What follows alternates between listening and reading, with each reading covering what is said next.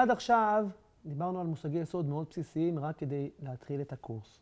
עכשיו אנחנו נכנסים לתוך עובי הקורה ומתמקדים בנושא מרכזי שנקרא מקורות המשפט. במסגרת הנושא הזה אנחנו נחלק אותו לכמה וכמה חלקים, כאשר החלקים המרכזיים יעסקו בחקיקה ובפסיקה. אבל לפני שנעסוק בעולם החקיקה ובעולם הפסיקה, כדאי להכיר את מקורות המשפט בישראל. כשאני מדבר על מקורות משפט, אני מדבר בעצם על המקד שממנו אני שואב את הסמכות לבוא ולהכיל את הכללים המשפטיים על האזרחים, או המקורות שבהם אני לומד מה המשפט המחייב, או המשפט שראוי להיות מחייב בתוך המדינה. אז בישראל אנחנו מחלקים את מקורות המשפט לשני סוגים, למקורות משפט מחייבים ומקורות משפט שאינם מחייבים. אני רוצה דווקא להתחיל לדבר איתכם על מקורות משפט שאינם מחייבים. המשפטן, עורך דין, או כל אדם שעוסק במשפט, שרוצה לברר את הכלל המשפטי או את המסגרת המשפטית הרלוונטית, הוא יכול לפנות לשני מקורות משפט שאינם מחייבים מרכזיים. הראשון נקרא משפט משווה, או משפט זר. אנחנו פונים לחקיקה במדינות אחרות, או בפסיקה שקיימת במדינות שהן דומות במשטר שלהם לישראל. למשל, חקיקה בארצות הברית, פסיקה בבריטניה, קנדה, אוסטרליה, גרמניה, צרפת, מדינות העולם המערבי. אלו מדינות שאנחנו יכולים ללמוד מהן על המשפט, ומהם בעצם להשוות למצב בישראל. זה לא מקור משפטי מחייב כמובן, אלא זה מקור משפטי שמסייע לנו, או מה שנקרא מקור עזר, כדי ללמוד על עולם המשפט. לצד המשפט המשווה או המשפט הזר, יש לנו גם את ספרות מלומדים. ספרות מלומדים זה בעצם ספרות ענפה בעולם המשפטים, שמשפטנים, חוקרים, פרופסורים, דוקטורים, שופטים ומשפטנים כאלו ואחרים באים וכותבים בעולם המשפט. הם עוסקים בסוגיות שונות, סוגיות שיכולות לעלות בעתיד, או כאלו שכבר עלו בעבר, ודרך הכתיבה מנסים לתת מענה לסוגיות השונות. גם ספרות מלומדים זה לא מקור משפטי מחייב, אבל ניתן לשאוב מהמקור הזה כדי ללמוד, כדי להסתייע, כדי שהדבר הזה יהיה לנו לעזר, ללמוד על הכלל המשפטי הרלוונטי. לצד מקורות המשפט שאינם מחייבים, יש מקורות משפט מחייבים. בישראל אנחנו מחלקים את מקורות המשפט המחייבים לשלושה. חקיקה, פסיקה ומנהג. על חקיקה ופסיקה, כמו שאמרתי, אנחנו נדבר בהרחבה בהמשך.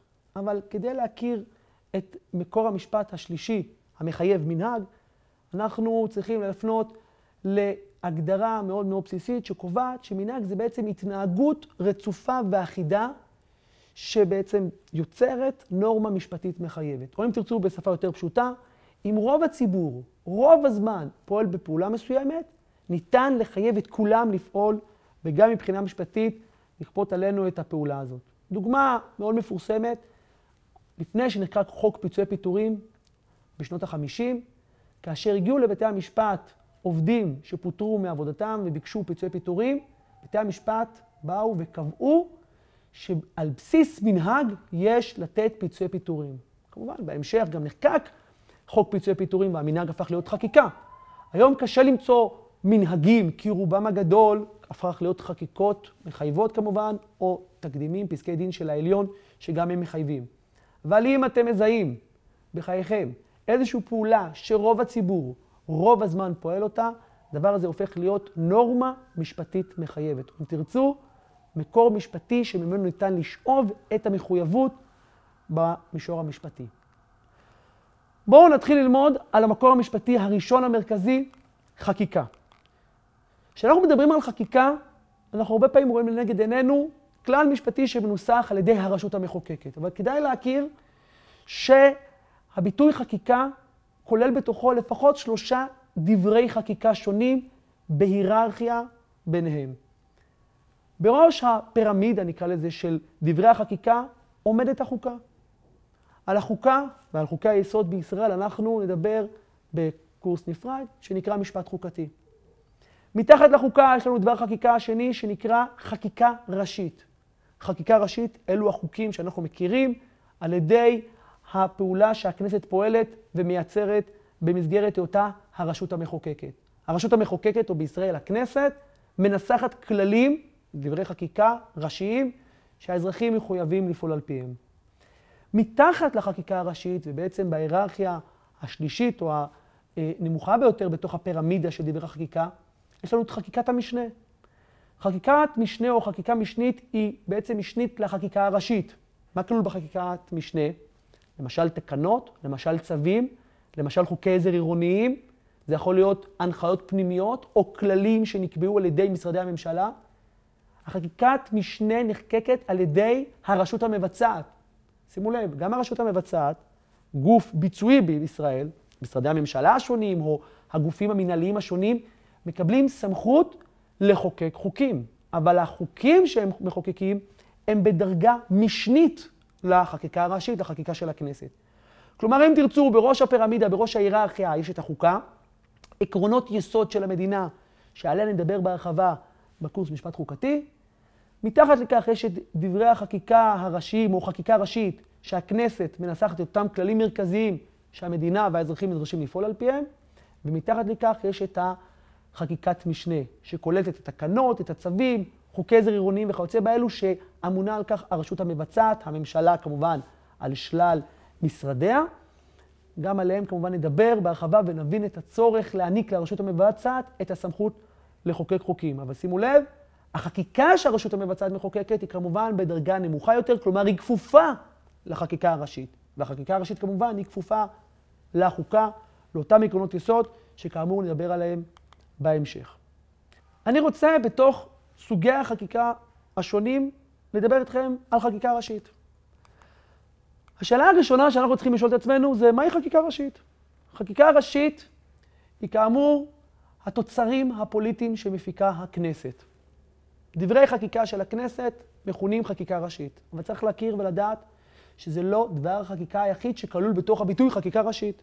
יש עוד שני דברי חקיקה פחות מוכרים, שגם הם מוגדרים תחת הביטוי חקיקה ראשית. המושג הראשון נקרא פקודה מנדטורית, שנשארה ולא בוטלה, ופקודה של מועצת המדינה הזמנית. מה זה פקודה מנדטורית שנשארה ולא בוטלה? כידוע, מדינת ישראל קמה לאחר המנדט הבריטי, משטר ש... של המנדט הבריטי ששלט פה בישראל, וכאשר אותו משטר קבע כללים, קבע אה, דברי חקיקה, הדברי חקיקה האלו נקראו פקודות מנדטוריות. כשישראל קמה, היא בעצם ירשה את המשטר כפי שהוא. חוץ מלשנות כמובן את העניינים הסימנטיים, שהמדינה נקראת ישראל ולא משטר מנדטורי, כמובן, כבר שלא המלך הוא זה שהוא ריבון פה, אלא בעצם הציבור, או דרך הכנסת ונציגי הציבור, הרי שהפקודות המנדטוריות, המנדטוריות נשארו כפי שהן. ברבות השנים רוב הפקודות בוטלו, וכמובן במקומם נחקקו חוקים. אבל עדיין ישנן פקודות שהן קיימות ושרירות והן משמשות אותנו בעולם המשפט. למשל, פקודת הנזיקין, המקור החוקי המרכזי של דיני נזיקין. למשל, פקודת הראיות, המקור המשפטי החוקי המרכזי בדיני ראיות. יש גם פקודת מס הכנסה ויש גם פקודת החברות ועוד סוגי פקודות מנדטוריות שנשארו ולא בוטלו. גם הן מכונות חקיקה ראשית. לצד הפקודה המנדטורית שלא בוטלה, יש גם פקודה של מועצת המדינה הזמנית. כידוע, כאשר המדינה קמה, הרשות המחוקקת הייתה מכונה מועצת המדינה הזמנית, הכנסת הזמנית. עד שהכנסת קמה ועמדה על כנה, אנחנו בישראל פעלנו על ידי מועצת מדינה זמנית. כן, לא המדינה הזמנית, אלא כמובן המועצה הזמנית עד שהכנסת קמה. באותו זמן, כאשר מועצת המדינה הזמנית באה וניסחה חוקים, היא עדיין קראה להם פקודות, כי היא בעצם נכנסה בנעליו של המשטר הקודם. כמו שהמשטר הקודם קרא לזה פקודות, פקודות מנדטוריות, כך בשלב שבו מועצת המדינה הזמנית חוקקה חוקים, היא עדיין קראה להם פקודות.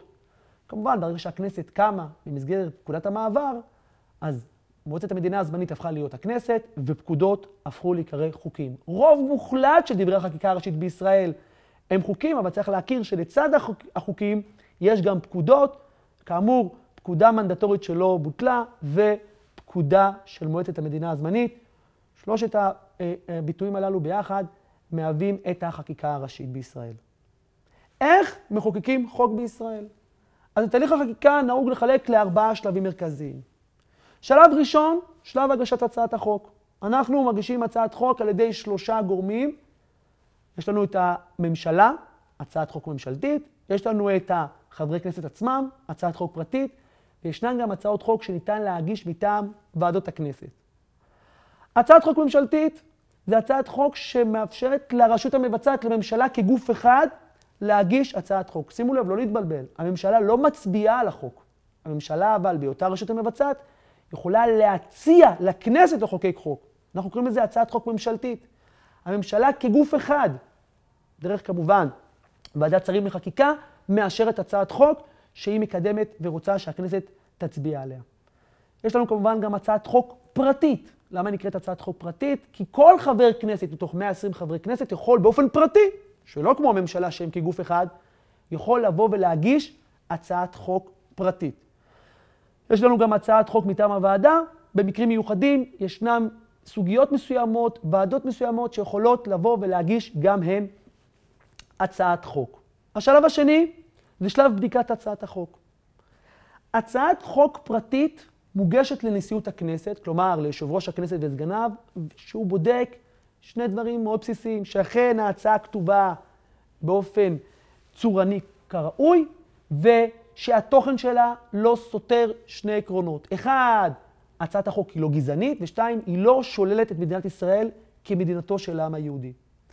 הצעת חוק ממשלתית נבדקת ומאושרת על ידי ועדת שרים לחקיקה, ולאחר מכן מניחים אותה כמובן על שולחן הכנסת. אם הצעת חוק פרטית עוברת את אישור נשיאות הכנסת, או והצעת חוק ממשלתית עוברת את אישור ועדת שרים לחקיקה, הצעות החוק בעצם מונחות לפני הכנסת.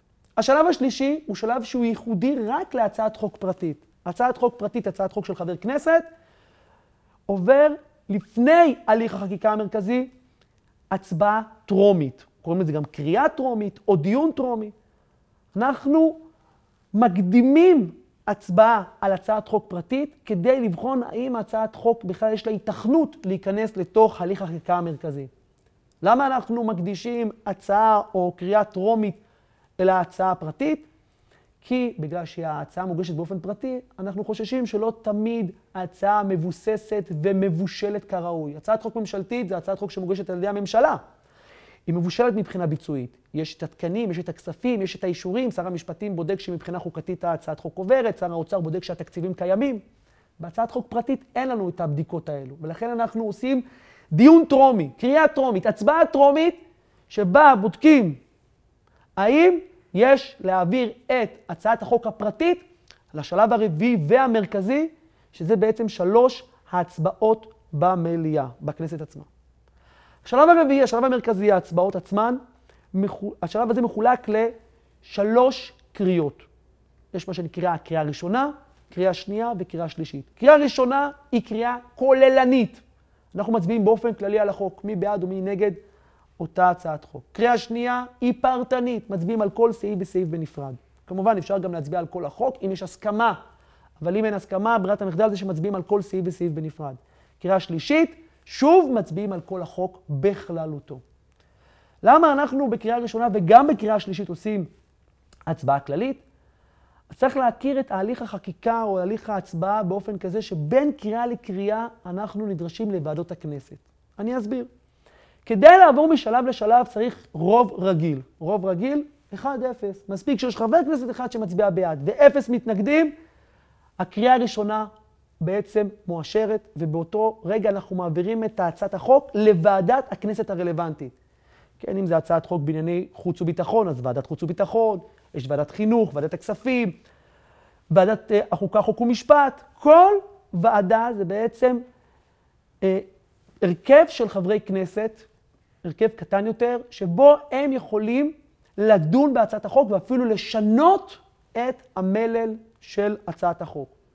לאחר מכן עוברים לקריאה שנייה ומצביעים על כל סעיף וסעיף בנפרד.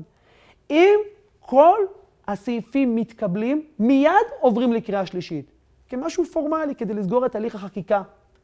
בוודאי שאם הסכימו על כל הסעיפים, אז אין שום בעיה להסכים מיד בקריאה שלישית על כל החוק בכללותו. אבל, מה קורה אם נופלים סעיפים בהצבעה השנייה? מה קורה אם יש סעיפים שמקבלים אותם? למשל, סעיף 1, 2, 3 מתקבל, מתקבלות, אבל, מתקבלים, סליחה, אבל סעיפים 4, 5 ו-6 נדחים. במקרה כזה, שוב מחזירים את זה לוועדת הכנסת. וועדת הכנסת עכשיו מחברת בין הסעיפים שנותרו כדי לאפשר ולהראות שיש כאן חוק שהוא קוהרנטי, שהוא בעצם ברור ומובן, ומעלים את זה שוב לקריאה שלישית. שימו לב, יכול להיות שמהקריאה הראשונה שבה הצבענו על החוק בכללותו והסכמנו, עד שהוא מגיע שוב לקריאה שלישית, השתנו דברים רבים. למשל, בוועדת הכנסת בין קריאה ראשונה לקריאה שנייה, ניסו שינויים מילוליים דרמטיים. יכול להיות שבקריאה שנייה עצמה נפלו סעיפים מאוד חשובים. כך שעד שמגיעים לקריאה שלישית, יכול להיות שמי שהצביע בעד הצעת החוק בקריאה ראשונה, יתנגד לה בקריאה השלישית. ולכן אנחנו נדרשים להעביר את הצעת החוק גם בקריאה ראשונה וגם בקריאה שלישית על הצבעה כוללנית, כאשר אני מזכיר לכם, בקריאה שנייה אנחנו מצביעים על כל סעיף וסעיף בנפרד. שוב, אם יש הסתייגויות בין קריאה שנייה לקריאה שלישית, אנחנו חוזרים לוועדת הכנסת. אבל אם אין הסתייגויות, מיד מקריאה שנייה עוברים לקריאה שלישית ונחקק חוק. הרוב, כמו שאמרנו, הנדרש לעבור משלב לשלב זה רוב רגיל. אם יש תיקו, מה שנקרא הצעת החוק נופלת, וצריך להתחיל את כל הליך החקיקה מההתחלה. נקודה אחרונה בעניין הזה, תיקון של חוק זה כמו חקיקה של חוק חדש. כל שינוי בחוק קיים, הוספת משפט, להוריד איזושהי מילה, אות, נקודה, צריך לעבור את כל ארבעת שלבי החקיקה. הצעת החוק, הצעת חוק ממשלתית, פרטית, על ידי ועדות הכנסת. צריך את אישור הצעת החוק, על ידי נשיאות הכנסת, אם זו הצעת חוק פרטית, או ועדת שרים לחקיקה, אם זו הצעת חוק ממשלתית. אם זו הצעת חוק פרטית, יש שלב שלישי, דיון טרומי במליאה, והשלב הרביעי, שלוש קריאות, קריאה ראשונה, קריאה שנייה וקריאה שלישית.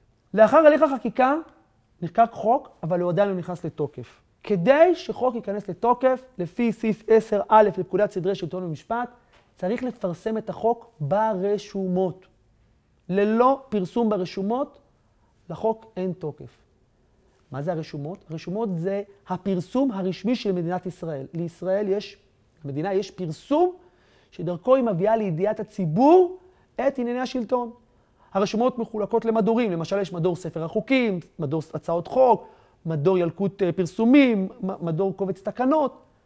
כדי שחוק ייכנס לתוקף, הוא לא צריך להיות מפורסם באינטרנט או בעיתון, הוא צריך להיות מפורסם ברשומות. תשאלו את עצמכם איפה הרשומות, תחפשו באינטרנט, תחפשו באתר הכנסת, הרשומות מופיעות ומפורסמות לציבור בכל פעם שנחקק חוק. במדור ספר החוקים תראו את החוק או את התיקון לחוק.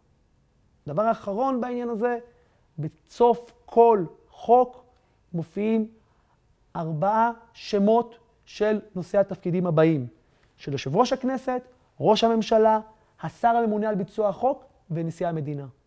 כמובן, כמובן שמותיהם זה לא איזשהו אישור שאנחנו נדרשים מהם, זה לא חתימה שמאשרת את החוק, אלא זה בעצם לתפארת המליצה, זה כדי לתת הוד והדר לחוק, לתת לו את הכבוד שנחקק דבר חקיקה ראשית במדינת ישראל.